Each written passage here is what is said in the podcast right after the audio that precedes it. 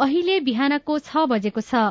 सामुदायिक सूचना नेटवर्क सीआईएनबाट अब प्रसारण हुँदैछ साझा खबर।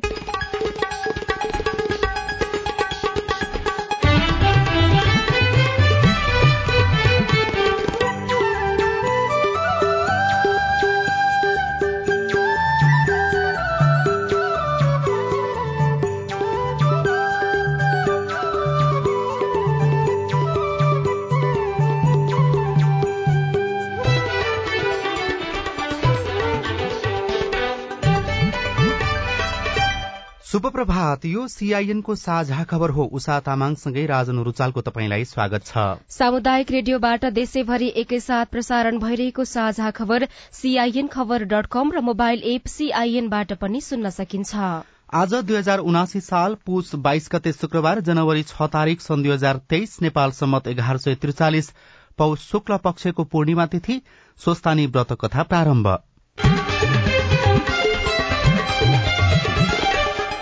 साझा खबरमा प्रमुख खबरका शीर्षकहरू।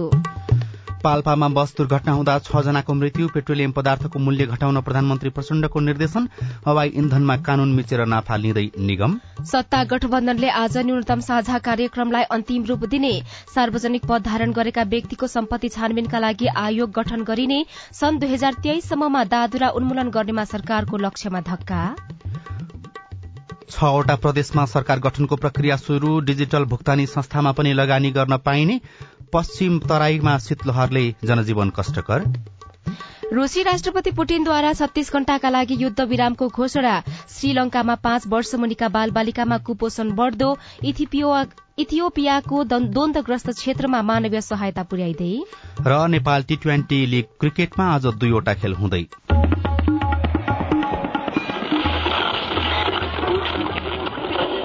सयौं रेडियो।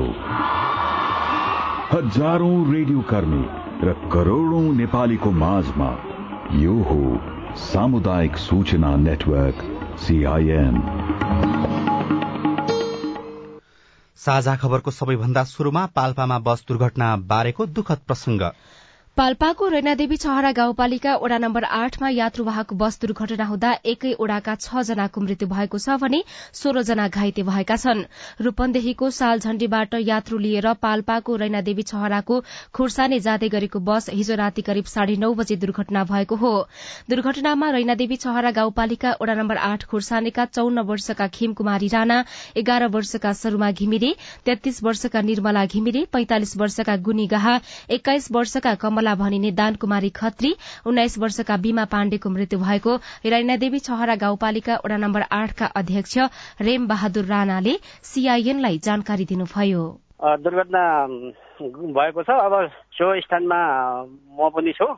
रातको समय अब अलि एक दुई घन्टा उद्धार गर्न समय लाग्यो र बिमारीहरूलाई अब रिबन्दै बुटोल अञ्चल हस्पिटल र मेडिटेक प्राइभेट हस्पिटलहरूमा पनि भर्ना गरिएको छ। सवारी चालक पनि घाइते अवस्था र उहाँलाई अब केही कुरा बुझ्दाखेरि त्यो ब्रेक फेल भन्ने कुरो आएको छ।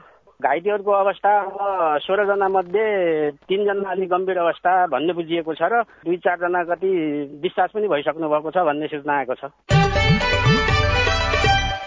प्रधानमन्त्री पुष्पकमल दाहाल प्रचण्डले पेट्रोलियम पदार्थको मूल्य घटाउन निर्देशन दिनुभएको छ। उहाँले हिजो दिउँसो उद्योग वाणिज्य तथा आपूर्ति सचिव तोयम रायलाई प्रधानमन्त्री तथा मन्त्री परिषदको कार्यालयमा बोलाएर इन्धनको मूल्य घटाई जनतालाई राहत दिन निर्देशन दिनुभएको हो।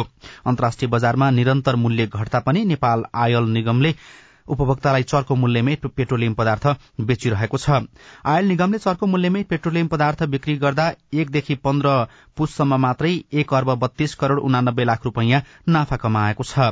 सोह्र पुसदेखि तीस पुससम्मको हिसाब हेर्दा उनासय करोड़ बाह्र लाख रूपियाँ नाफा हुने अनुमान गर्न सकिन्छ। भारतबाट पचासी रूपियाँ पैंतिस पैसामा प्रति लिटर खरिद गरिएको पेट्रोल कर सहित सम्पूर्ण प्रशासनिक खर्च जोड्दा एक सय त्रिसठी रूपियाँ चौतिस पैसा पर्छ तर निगमले एक सय अठहत्तर रूपियाँमा बिक्री गर्दै आइरहेको छ।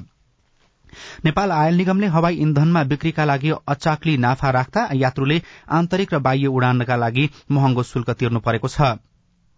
निगमले आन्तरिकतर्फ अडचालिस रूपियाँ एकासी पैसा र बाह्यतर्फ उनान्सय रूपियाँ त्रिपन्न पैसा नाफा राखेर हवाई इन्धनको कारोबार गरिरहेको छ। यो सरकार आफैले बनाएको कालोबजारी तथा केही अन्य सामाजिक अपराध तथा सजाय ऐनको ठाडो उल्लंघन समेत हो। ऐन अनुसार कुनै पनि कारोबार गर्दा बीस प्रतिशत भन्दा बढ़ी नाफा राख्न पाइँदैन। निगमले एक सय एकचालिस रूपियाँ उन्नाइस पैसामा खरिद गरेको इन्धन आन्तरिक हवाई कम्पनीहरूलाई एक सय नब्बे रूपियाँमा र एक सय सत्र रूपियाँ एकहत्तर पैसामा किनेको इन्धन अन्तर्राष्ट्रिय हवाई कम्पनीहरूलाई दुई सय सत्र रूपियाँ चौविस पैसामा बिक्री गर्दै आइरहेको छ। यो नाफा रकम खाना पकाउने एलपी ग्यासमा भइरहेको घाटामा समायोजन गरेको निगमको दावी छ तर यसले हवाई उड्डयन क्षेत्रको यात्रुका लागि भने ढाड सिकिएको छ। सन् दुई हजार तेइससम्ममा दादुरा निवारण गर्ने सरकारी लक्ष्यमा धक्का लागेको छ। नेपालगंजमा दादुरा संक्रमित एक बालकको मृत्यु भएको छ भने सत्ताइस जनामा संक्रमण देखिएको छ। दादुराबाट नेपालगंज उपमहानगरपालिका पाँचका तीन वर्षका बालकको मृत्यु भएको उपमहानगरपालिकाको स्वास्थ्य शाखाले जनाएको छ। नेपालगंजका नौवटा ओडामा दादुराको संक्रमण फैलिएको स्वास्थ्य शाखाका प्रमुख रामबहादुर चन्दले जानकारी दिनुभयो। पहिलो पटक गत शनिबार नेपालगंज पाँचमा एकै परिवारका चार बाल बालिकामा दादुरा पुष्टि भएको भएको थियो। दादुराका बिरामीको समयमै उपचार नहुँदा संक्रमण फैलिएको आंकलन गरिएको छ। उपमहानगर प्रमुख चन्दका अनुसार अहिले दादुरा संक्रमण नियन्त्रणका लागि उपमहानगर जिल्ला जनस्वास्थ्य र भेरी अस्पतालको स्वास्थ्य टोली परिचालन गरिएको छ। दादुरा संक्रमित बालबालिकाको घरमै उपचार भइरहेको र उनीहरूलाई आवश्यक स्वास्थ्य सेवा प्रदान गरिएको चन्दले सीआईएनसँग बताउनुभयो। सन् दुई हजार तेइससम्ममा दादुरा निवारण गर्ने लक्ष्यका साथ दादुराको खोप सरकारले निशुल्क उपलब्ध गराइरहेको छ। दादुरा विरूद्धको दुई मात्रा खोप लगाएमा बच्न सकिने भए पनि बाँकीमा के कारण दादुरा फैलियो भनेर पत्ता लागिसकेको छैन। डाक्टरले भने दादुराको खोप नलगाएका व्यक्ति रोग प्रतिरोधात्मक क्षमता कम भएका क्यान्सर र एचआईभी एड्सका बिरामी तथा नौ महिना भन्दा कम उमेरका शिशु तथा गर्भवती दादुरा रोगको बढ़ी जोखिममा हुने बताएका छन्। दादुरा महामारी नियन्त्रण गर्न के गर्न सकिन्छ? संक्रामक रोग विशेषज्ञ डाक्टर अनुप सुवेदीले सीआईएनसँग भन्नुभयो। स्थानीय स्वास्थ्य कार्यकर्ताहरूको सरसहयोगमा घरमै गएर अब छुटेकाहरूलाई खोप लगाइदिने के गर्नुपर्छ होला एउटा चाहिँ सबैभन्दा महत्वपूर्ण चाहिँ त्यो हो? अब त्यसपछि चाहिँ अनि मान्छेहरूलाई अलिकति यो चेतना फैलाउने त्यस्ता कुराहरू दादुरा यो यस्ता खोपहरू दादुरा बाहेक अरू पनि महत्त्वपूर्ण खोपहरू छुटेका हुन सक्छन् र त्यस्तै अरू रोगहरू पनि देखिन सक्छ। अब यो दादुराको केसहरू देखिन थाल्यो धेरैजनालाई भने त्यो चाहिँ त्यस्तै खोप कार्यक्रम अलि असफल हुन थालेको सङ्केत हो। त्यो हुँदा चाहिँ अरू पनि धेरै रोगहरू हुनसक्छ भनेपछि चेतना बढाउने खालको कार्यक्रमहरू गर्नु पर्यो र मान्छेहरूलाई चाहिँ सबैलाई छुटेका खोपहरू लगाउन इन्करेज गर्नु पर्यो। दादुरा लागिसकेपछि कुनै पनि उपचार नभएकाले पूर्ण मात्रा खोप लगाउनु बस्ने उपाय रहेको विज्ञको भनाइ छ। तर संक्रमण भइसकेपछि सामान्य खालका बिरामीलाई लक्षण अनुसारको उपचार दिनुपर्ने डाक्टर सुवेदीले बताउनुभयो। पुनः राजनैतिक प्रसंग सत्ता साझेदार दलहरूले सार्वजनिक पद धारण गरेका व्यक्तिको छानबिन र सर्वोच्च न्यायालय सहित देशको न्याय प्रणाली सुधारका लागि छुट्टा छुट्टै उच्च स्तरीय आयोग बनाउने सहमति गरेका छन्। दुवै आयोग गठन सहितका योजना सरकारको न्यूनतम साझा कार्यक्रममा समेटिने भएका छन्। सरकारले छब्बीस पुसमा विश्वासको मत लिनु पूर्व नै न्यूनतम साझा कार्यक्रम सार्वजनिक गर्ने सत्ता साझेदार दलहरूको तयारी रहेको छ। न्यायालय सहित सरकारी निकायमा कार्यरत कर्मचारी र सार्वजनिक पद धारण गरेका राजनीतिक एवं गैर राजनीतिक व्यक्तिहरू भ्रष्टाचारमा संलग्न रहेको भन्दै उनीहरूको सम्पत्ति छानबिन गर्नुपर्ने आवाज जनस्तरबाट उठ्दै आएको थियो। नागरिकका ती चासो सम्बोधनका लागि सत्ता साझेदार दलहरूले भ्रष्टाचार नियन्त्रणको लक्ष्यसहित दुई शक्तिशाली आयोग बनाउन सहमति गरेका हुन्। सम्पत्ति छानबिन सम्बन्धी उच्चस्तरीय आयोगलाई लोकतन्त्रपछि राजनीतिक र प्रशासनिक दुवैको नेतृत्वमा रहेका शक्तिशाली पद धारण गरेका व्यक्तिहरूको सम्पत्ति छानबिन गर्ने कार्यदिशा दिइने तय भएको छ। त्यस्तै न्यायिक सुधारका लागि गठन हुने आयोगले न्याय सम्पादनमा हुने सेटिङ ढिलासुस्ती अन्य विकृति र भ्रष्टाचार अन्त्य गर्दै न्याय प्रणालीलाई निष्पक्ष सरल प्रभावकारी तथा अविलम्ब बनाउन सुझाव दिने तय भएको छ। न्यूनतम साझा कार्यक्रम तयारी कार्यदलका संयोजक उपप्रधान तथा अर्थमन्त्री विष्णु पौडेलले आज बस्ने बैठकबाट मस्यौदालाई अन्तिम रूप दिने बताउनु भएको छ। मध्य प्रदेश बाहेक अन्य छवटा प्रदेशका प्रमुखले प्रदेशमा सरकार गठनका लागि आह्वान गरेका छन्। सातवटै प्रदेशमा कुनै पनि दलको एकल बहुमत छैन। कुनै पनि दलको बहुमत नहुँदा प्रदेश प्रमुखले नेपालको संविधानको धारा एक सय अडसठीको उपधारा दुई बमोजिम दुई वा सो भन्दा बढ़ी दलको समर्थनमा प्रदेश सभा सदस्यलाई मुख्यमन्त्री पदमा दावी पेश गर्न आह्वान गरेका छन्। संघीय सरकार गठन भए पनि प्रधानमन्त्री पुष्पकमल दहाल प्रचण्डले विश्वासको मत लिनु भएपछि मात्रै प्रदेशमा सत्ता साझेदार दलहरूबीच सहमति कायम गरेर बसेर मुख्यमन्त्रीमा दावी प्रस्तुत गर्ने तयारी गर्नुभएको थियो। तर तीनवटा प्रदेशका प्रमुखले प्रधानमन्त्रीले विश्वासको मत लिनुभन्दा अघि नै प्रदेशमा मुख्यमन्त्री पदका लागि दावी पेश गर्न आह्वान गर्नुभएको छ। प्रधानमन्त्री प्रचण्डले पुष छब्बीस गते प्रतिनिधि सभामा विश्वासको मत लिनुहुने कार्यक्रम तय भएको छ। सुदूरपश्चिम कर्णाली र लुम्बिनी प्रदेशका प्रमुखले पुष सत्ताइस गते बुधबार चार बजेभित्र मुख्यमन्त्रीका लागि दावी पेश गर्न आह्वान गर्नुभएको छ। सुदूरपश्चिममा देवराज जोशी कर्णालीमा तिलक फरिया र लुम्बिनीमा अमिक शेरचन प्रदेश प्रमुख हुनुहुन्छ। प्रदेश एकका प्रमुख परशुराम खापुङले पुष चौबिस गते पाँच बजेभित्र मुख्यमन्त्री पदका लागि दावी पेश गर्न आह्वान गर्नुभएको छ। उहाँले पुष सत्र गते नै मुख्यमन्त्रीमा दावी पेश गर्न आह्वान गर्नुभएको थियो। बाँकीका पाँचवटा प्रदेशका प्रमुखको कार्यालयले भने बिहिबार मात्र चारदेखि सात दिनसम्मको समय सीमा राखेर मुख्यमन्त्रीमा दावी पेश गर्न आह्वान गरेका हुन्। बागमती र गण्डकी प्रदेश प्रमुखको कार्यालयले पुष पच्चीस गते चार बजेभित्र दावी पेश गर्न सूचना जारी गरेको छ।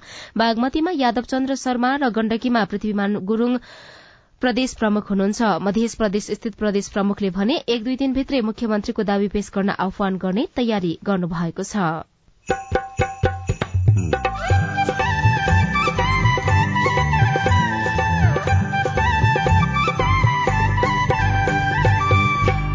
सामुदायिक सूचना नेटवर्क सीआईएन मार्फत देशभरि प्रसारण भइरहेको साझा खबरमा तत्काल आवश्यक नभए पनि राहदानी बनाउने लाइनमा सेवाग्राही अनलाइन फर्म भर्नु पर्दो रहेछ। अब त्यस्तो केही नबुझिकन अब गयो अब भएन अनि फेरि फर्क्यो। जति खर्च लाग्यो नि यहीँ बनाउने बरु त्यता ओरो दोहोरो किन भइरहने भनेर यहीँ बनाउन आएको।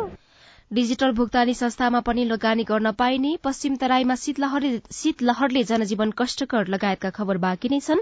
सीआईएनको साझा खबर सुन्दै गर्नुहोला।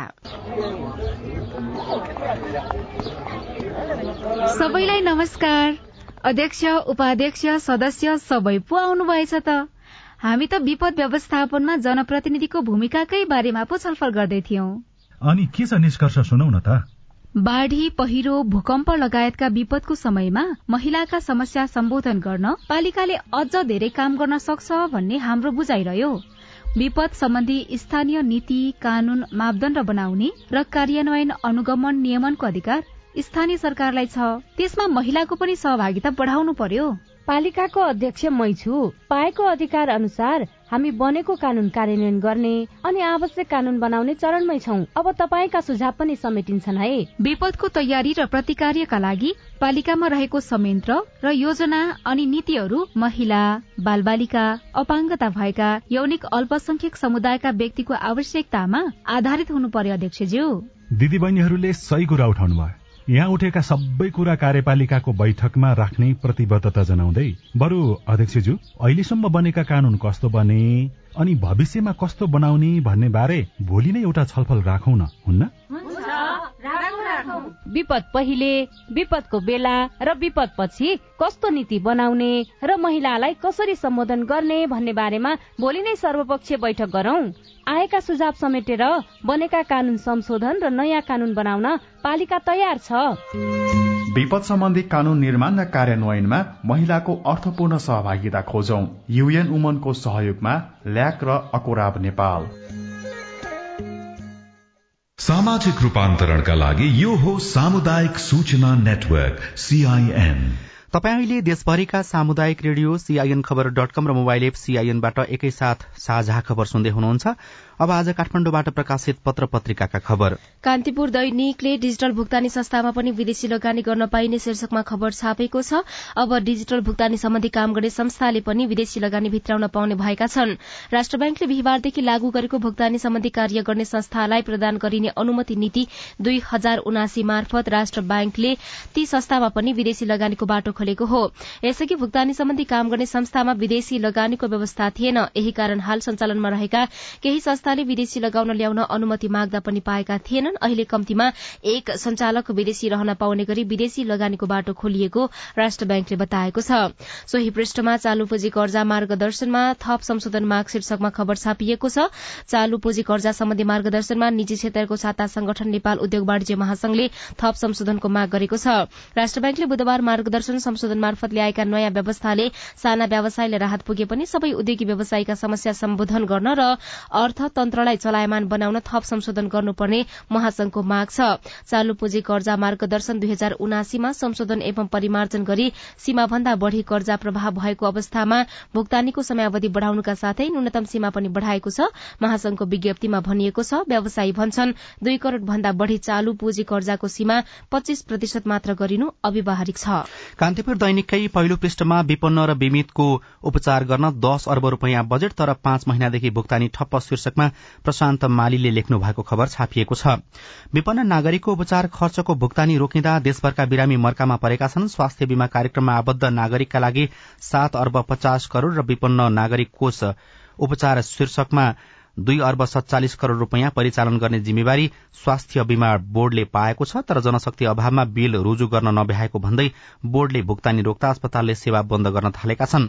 विपन्न नागरिक उपचारका लागि सरकारले दिने रकम स्वास्थ्य विभागको नर्सिङ तथा सामाजिक सुरक्षा महाशाखाले भुक्तानी गर्दै आएको थियो। गत वैशाखदेखि सरकारले त्यो रकम पनि स्वास्थ्य बीमा बोर्ड मार्फत दिन शुरू गरेपछि नियमित भुक्तानीमा समस्या देखिएको हो। देशभरका अधिकांश स्वास्थ्य संस्थाले साउनदेखिको भुक्तानी पाएका छैनन्। बीमा बोर्डबाट भुक्तानी नपाएको भन्दै केही साता अघि नेपालगंज मेडिकल कलेजले डायलासिस सेवा नै बन्द गरेको थियो जहाँ मृगौलाका एक सय अन्ठाउन्न जना बिरामीले डायलासिस गराउँदै आएका थिए। मेडिकल कलेजले निजी सेवा प्रदायक कम्पनी विरंग हेल्थ केयर प्रालीसँग सम्झौता गरी दुई हजार सतहत्तर भदौदेखि डायलासिस सेवा चलाउँदै आएको थियो तर सम्झौता अनुसार डेढ़ करोड़ रूपियाँ नपाएको भन्दै उक्त कम्पनीले सेवा ठप्प पारेको थियो। बीपी कोइराला स्वास्थ्य विज्ञान प्रतिष्ठान धरान पोखरा स्वास्थ्य विज्ञान प्रतिष्ठान वीर अस्पताल गंगालाल राष्ट्रिय हृदय केन्द्र त्रिवी शिक्षण अस्पताल महाराजगंज लगायतका अस्पतालमा पनि समस्या उस्तै छ। यी अस्पतालले विपन्न नागरिक उपचार गरे बापत बोर्डबाट क्रमशः दुई करोड़ एकसठी लाख दुई करोड़ तीन करोड़ बयासी लाख सात करोड़ र तीन करोड़ रूपियाँ भुक्तानी पाउन बाँकी रहेको छ। लगातारको शीतलहरका शीतलहरले गर्दा पश्चिम तराईको जनजीवन कष्टकर बनेको छ। कुहिरो र शीतलहरले गर्दा सर्वसाधारण मर्कामा परेका छन्। अत्यधिक चिसोका कारण यहाँका सर्वसाधारणको दैनिकी कष्टकर बन्दै गइरहेको छ भने स्थानीय कामका लागि बाहिर निस्कन सकिरहेका छैनन्। चिसोबाट बच्न स्थानीय दिनभर आगो ताप्नुका साथै न्यानो लुगाको जोहो गर्न थालेका छन्। एक सातादेखि पश्चिम तराईमा हुस्सु कुहिरो तथा शीतलहर चलिरहेको छ। मौसम पूर्वानुमान महाशाखाका अनुसार बिहिबार कैलालीको न्यूनतम तापक्रम आठ दशमलव दुई डिग्री सेल्सियस रहेको छ। दिन प्रतिदिन कैलालीको तापक्रम घट्दै गएका कारण अत्यधिक चिसो बढ़िरहेको मौसम पूर्वानुमान महाशाखाका मौसम विज्ञ रोजन लामिछानेले बताउनुभयो। उहाँका अनुसार बुधबार कैलालीमा नौ दशमलव छ डिग्री सेल्सियस तापक्रम थियो भने बिहिबार घटेर आठ दशमलव दुई डिग्री सेल्सियस पुगेको छ। पुष्पराज जोशीले कैलालीबाट खबर लेख्नु भएको छ। त्यस्तै नयाँ पत्रिका दैनिकको अर्थ पत्रिका पृष्ठमा विद्युतीय बसको सञ्चालन खर्च आठ गुणा सस्तो तर भाडा दर भने एउटै शीर्षकमा भोजराज भण्डारीले लेख्नु भएको खबर छापिएको छ। इन्धनबाट चल्ने सार्वजनिक बसको तुलनामा विद्युतीय बसको सञ्चालन खर्च करिब आठ गुणा सस्तो भए पनि यात्रुलाई लाग्ने भाडा भने उस्तै रहेको छ। इन्धनबाट चल्ने सवारी साधनमा पेट्रोलियमको मूल्य भएको मूल्यमा भएको घटबड़ अनुसार भाडा पनि स्वचालित निर्धारण हुँदै आएको छ। तर पेट्रोलियममा भएको मूल्य घटबड़ अनुसार नै विद्युतीय सार्वजनिक सवारी साधनले पनि यात्रु भाडा तोक्ने गरेका छन्। अहिले काठमाडौँ उपत्यकामा दस किलोमिटरसम्मको भाडा दर बीस रूपियाँ तोकिएको छ। विद्युतीय बसले पनि सोही दर अनुसार भाडा उठाउँदै आएका छन्। विद्युतीय बसमा प्रति किलोमिटर गुण्न करिब एक युनिट चार्ज खपत हुने साझा यातायातका संचालक समिति सदस्य तथा वातावरणविद भूषण तुलाधरले बताउनु भएको छ। यस्तो बसमा राति चार्ज गर्दा एक युनिटको प्रति युनिट आठ रूपियाँ मात्रै शुल्क लाग्ने गर्छ तर पेट्रोलियम बसको प्रति किलोमिटर खर्च रहेको मूल्य अनुसार करिब साठी रूपियाँ लाग्ने व्यवसायीहरू बताउँछन्।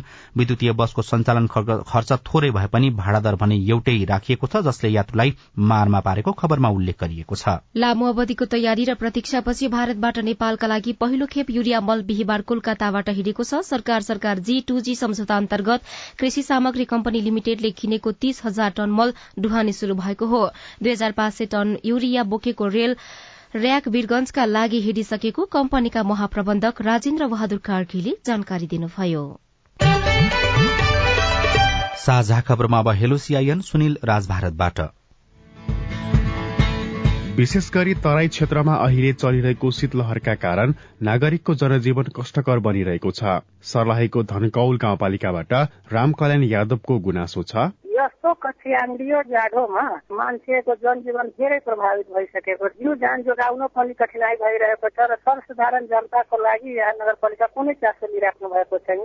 नागरिकलाई न्यानो बनाउन गाउँपालिकाको योजना के छ? हामीले निमित्त प्रमुख प्रशासकीय अधिकृत कृष्ण मोहन प्रसाद शाहलाई सोधेका छौँ। दाउरा किन्ने र विपद व्यवस्थापन अन्तर्गत आवश्यकता अनुसार ब्ल्याङ्केटहरू बाँट्ने योजना छ हाम्रो। कहिलेसम्म बाँडिसक्नुहुन्छ?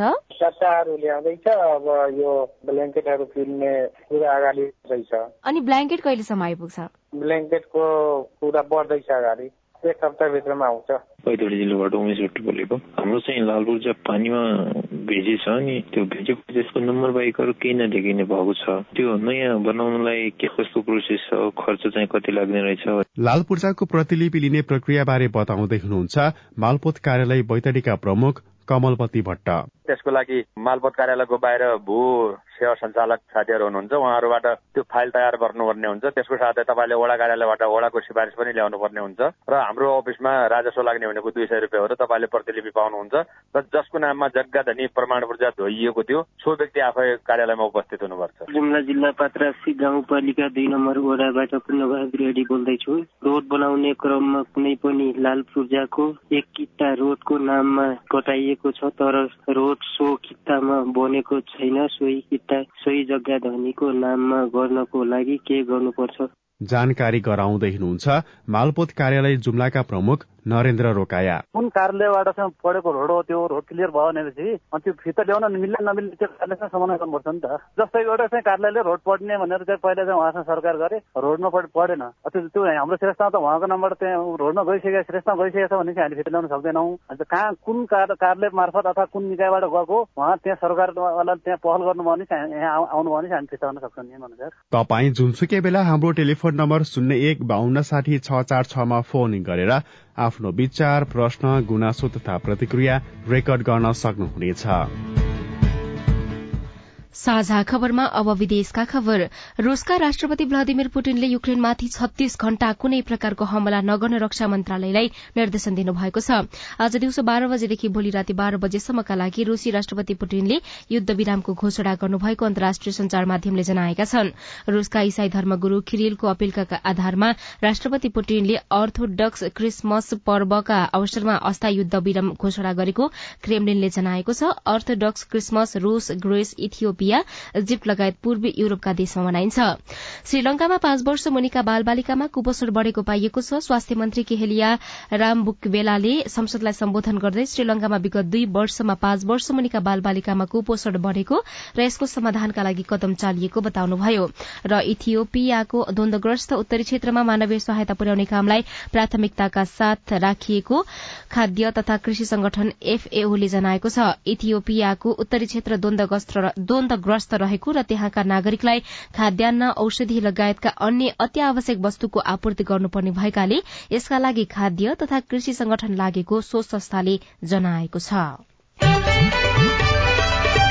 साझा खबरमा अब खेल खबर नेपाल टी ट्वेन्टी क्रिकेट प्रतियोगितामा आज पनि दुईवटा खेल हुँदैछन्। बिहान नौ बजे लुम्बिनी अल स्टार्स र जनकपुर वेल्स तथा दिउँसो एक बजे विराटनगर सुपर किङ्स र फायर वेस्ट युनाइटेड बीच प्रतिस्पर्धा हुनेछ। दुवै खेल किर्तिपुर स्थित त्रिवी क्रिकेट मैदानमा हुनेछ। यसैबीच नेपाल टी ट्वेन्टी क्रिकेट लीगमा भइरहेको स्टफ र म्याच फिक्सिङबारे अन्तर्राष्ट्रिय क्रिकेट काउन्सिल आईसीसीले छानबिन थालेको छ। यसका लागि ICC integrity officer Andrew Ephgrave र सन्नी बिहिबार काठमाडौँ आइपुग्नु भएको छ। नेपाल क्रिकेट संघ क्यानका अध्यक्ष चतुरबहादुर चन्दले पनि आईसीसीले छानबिन थालेको पुष्टि गर्नुभयो। क्यानले छानबिनका लागि पूर्ण सहयोग गर्ने पनि उहाँले बताउनु भएको छ। आईसीसीका प्रतिनिधि विमानस्थलबाट सिधै त्रिभुवन विश्वविद्यालयको क्रिकेट मैदानमा पुगेका थिए। उनीहरूले मैदानमा खेलाड़ी अफिसियल र अम्पायरसँग स्टफ फिक्सिङ र म्याच फिक्सिङबारे छलफल गरेका थिए। त्यसपछि एन्ड्रू र सन्नीले क्यानका अध्यक्ष चन्द र कार्यवाहक सचिव प्रशान्त विक्रम मल्लसँग भेटघाट गर्नुभएको थियो। शहीद स्मारक ए डिभिजन लीग फुटबल प्रतियोगिताका लागि एघार क्लबले नाम दर्ता गराएका छन्। अखिल नेपाल फुटबल संघ एन्फाका अनुसार अहिलेसम्म चौध मध्ये एघारवटा ए डिभिजन क्लबले नाम दर्ता गराएका हुन्। यसै गरी नाम दर्ता गरेका एघार मध्ये दसवटा क्लबले तयारी खर्चको पहिलो किस्ता लिएको एन्फाले जानकारी दिएको छ। ए डिभिजन लीग उन्नाइस फागुनदेखि शुरू हुने बताइएको छ। र जुम्लाको चन्दननाथ नगरपालिका पाँच राज सिप चौरमा पचास करोड़ लगानीमा रंगशाला निर्माण हुने भएको छ। खेलाड़ीलाई प्रोत्साहन र उनीहरूको समस्यालाई मध्यनजर गर्दै अत्याधुनिक सुविधा सम्पन्न रंगशाला निर्माण हुन लागेको स्थानीय सामुदायिक रेडियोले खबर पठाएका छन्। छिटो राहदानी बनाउनेको भीड़ तर सबैलाई तत्काल आवश्यक हुँदैन। रिपोर्ट अरू खबर र कार्टुन पनि बाँकी नै छ। सीआईएनको साझा खबर सुन्दै गर्नुहोला। बाल विवाह विरूद्ध धर्मगुरूहरूको प्रतिबद्धता। वैदिक साहित्यमा बाल विवाह छैन। बाल विवाह हाम्रो मण्डली अन्तर्गत भएको छैन। हाम्रोमा बाल विवाह हुँदैन। यो मुद्दुमले भनेको कुरा हो र हाम्रो व्यवहारमा त्यस्तो नै छ। राधामिस गीता बाइबल कुरान वेद लगायतका सबै धर्मका ग्रन्थहरूले बाल विवाह गर्नुहुन्न भनेको भनेर धर्मगुरूले रेडियोबाट भनेको सधैँ सुन्ने गरिन्छ। तर किन बाल विवाह अन्त्य नभएको होला? हाम्रो नगरलाई बाल विवाह मुक्त गराउन अब के गर्ने होला? त्यो त हो नगर प्रमुखज्यू भनेर मात्रै पुग्दैन। सबै धर्मका धर्मगुरूहरूले म बाल विवाह गराउने काममा संलग्न हुन्न भनेर प्रतिबद्धता जनाउने र अरूलाई पनि त्यस्तै सिकाउने कार्य गर्न सके मात्रै त्यो कार्य प्रभावकारी हुन्छ। अनि बाल विवाह विरूद्ध काम गर्ने संघ संस्थाहरू र तपाईँहरू जस्ता स्थानीय सरकारले पनि धर्मगुरू र धार्मिक अगुवाहरूलाई यो अभियानमा सँगसँगै सहभागी गराएर अघि बढ़ाउन सके। बाल विवाह लगायतका हानिकारक परम्परागत अभ्यास अन्त्य गर्न सकिन्छ। हुन्छ राधामिस म त्यसै गर्छु। ओल्ड भिजन इन्टरनेसनल नेपाल र अकुराब। सामाजिक रूपान्तरणका लागि यो हो सामुदायिक सूचना नेटवर्क सीआईएन साझा खबरमा अब राहदानीका लागि हुने अनावश्यक भीड़को प्रसंग। जिल्ला वा इलाका प्रशासन कार्यालयबाटै राहदानी अर्थात पासपोर्टको फारम बुझाउन र राहदानी लिन पाइन्छ। तर यसो गर्दा समय धेरै लाग्ने भन्दै राहदानी छिटो बनाउन सेवाग्राही काठमाण्डु आउने गरेका छन्। हजारौं रूपियाँ र कम्तीमा एक हप्ता भन्दा बढ़ी समय खर्चेर काठमाण्डु आउने सेवाग्राही सबैलाई तत्काल राहदानी चाहिएको भने हुँदैन। नवलपुरको कावासोतीका शान्ति तामाङ साढे दुई वर्षको नानी पिठ्यौमा बोकेर राहदानी विभागमा लाइनमा हुनुहुन्छ। राहदानी छिटो बनाउन भनेर कावासोतीबाट काठमाण्डु आउनुभएका उहाँ कुन देश जाने र कहिले जाने भन्ने अन्यलमै हुनुहुन्छ। थाहै छैन पहिला पासपोर्ट बनाउनु के कुन देश जाने पासपोर्ट त बनाउनु लाग्यो के हुन्छ? गइन्छ गोर्खाका अनुपमा राई कामका लागि दक्षिण कोरिया जाने सुरसारमा हुनुहुन्छ। अब अर्को वर्षको भाषा परीक्षामा सहभागी हुने उहाँको योजना छ। तर उहाँ पनि छिटो राहदानी बनाउन भन्दै विभागमा बिहान सबेरैदेखि शुरू हुने लाइनमा थपिनु भएको छ। गोर्खा पनि त्यही चार पाँच दिनै बस्नु पर्दो रहेछ। अनलाइन फर्म भर्नु पर्दो रहेछ। अब त्यस्तो केही नबुझिकन अब गयो अब भएन अनि फेरि फर्क्यो जति खर्च लाग्यो नि यहीँ बनाउने बुढो त्यता ओरो दोहोरो किन भइरहने भनेर यहीँ बनाउन आएको। छिटो राहदानी बनाउन दैनिक हजारौं सेवाग्राही काठमाडौँ आउँछन् र राहदानी विभागमा घण्टौं लाइन लाग्छन्। काठमाडौँ आउने बस्ने फर्कने अनि फारम भर्न बिचौलियालाई लगाउने बीसौं हजार रूपियाँ खर्च हुन्छ। अर्कातिर द्रुत मार्गबाट राहदानी लिन राजस्व पनि धेरै बुझाउनु पर्छ जिल्लाबाट पाँच हजार रूपियाँ मात्र राजस्व बुझाए मिल्ने राहदानी द्रुत मार्गबाट बनाउँदा बाह्र हजार रूपियाँ तिर्नुपर्छ। विभागले द्रुत मार्गबाट दैनिक दुई हजार जनाको राहदानी बनाउँछ तर दैनिक छ हजार भन्दा धेरै सेवाग्राही पुग्ने भएकाले विभागको सेवा प्रवाह नै अस्त व्यस्त भएको छ। मेरो नाम राजकुमार रावल जयगढदेखि। उता एक महिना भन्दा पैँतालिस दिन लाग्छ। त्यही भएर यता छिटो बनाएर छिटै विदेश जाने पैसा हुन नारायण खत्री बागलुङदेखि। कहिले कता घुस्ने कहिले कता घुस्ने लाइनमा लाउँदा लाउँदै त्यत्तिकै दिन गयो त्यहाँबाट हिजो आइयो अनि आज आइएछ है। मेरो तिलक पुन म रुकुमदेखि। यहाँ छिटो बन्छ भनेर साथीहरूले भनेको थियो त्यही भएर। बन्ला त छिटो। खै थाहा छैन। प्रशासन कार्यालयमा गएर राहदानी बनाउन सकिने भए पनि समय एक महिना भन्दा बढ़ी लाग्ने भएकाले विभाग नै धाउनु परेको सेवाग्राही बताउँछन्। तर विभाग भने दुई हप्ता भित्रमा राहदानी सम्बन्धित प्रशासन कार्यालयमा पठाइसकिने दावी गर्छ। प्रवक्ता दुरपदा सापकोटा अति आवश्यक नभई विभाग नधाउन सुझाव दिनुहुन्छ। हामीले एउटा व्हाट्सएप ग्रुप गराएको छौँ जिल्लाको र हाम्रो। उहाँहरूले त्यस्तो गुनासो भयो भने पनि हामीलाई त्यही ग्रुपमा भन्न सक्नुहुन्छ। ल हाम्रो त ढिलो भयो है। ल यस्तो गरिदिनुहोस् भन्यो भने हामी तत्काल पठाइदिइहाल्छौँ फेरि।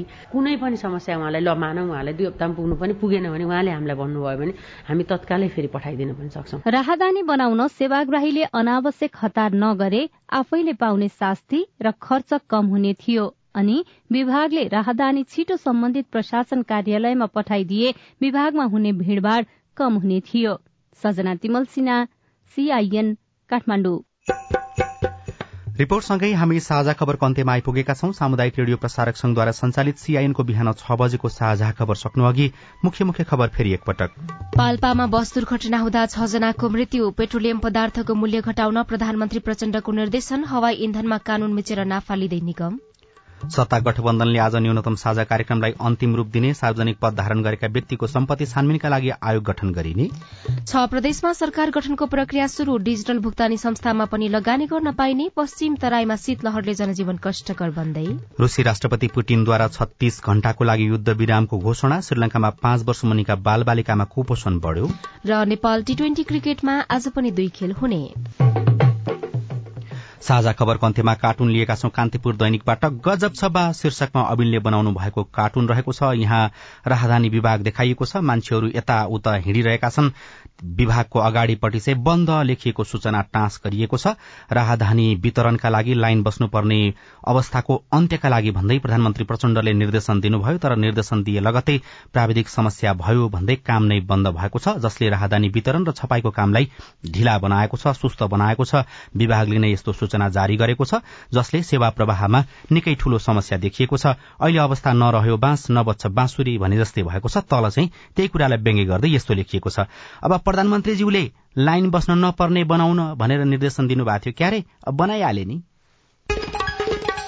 हवस् त प्राविधिक साथी सुनिल राज भारतलाई धन्यवाद। अहिलेलाई राजन रुचाल र उषा तामाङ विदा भयौं।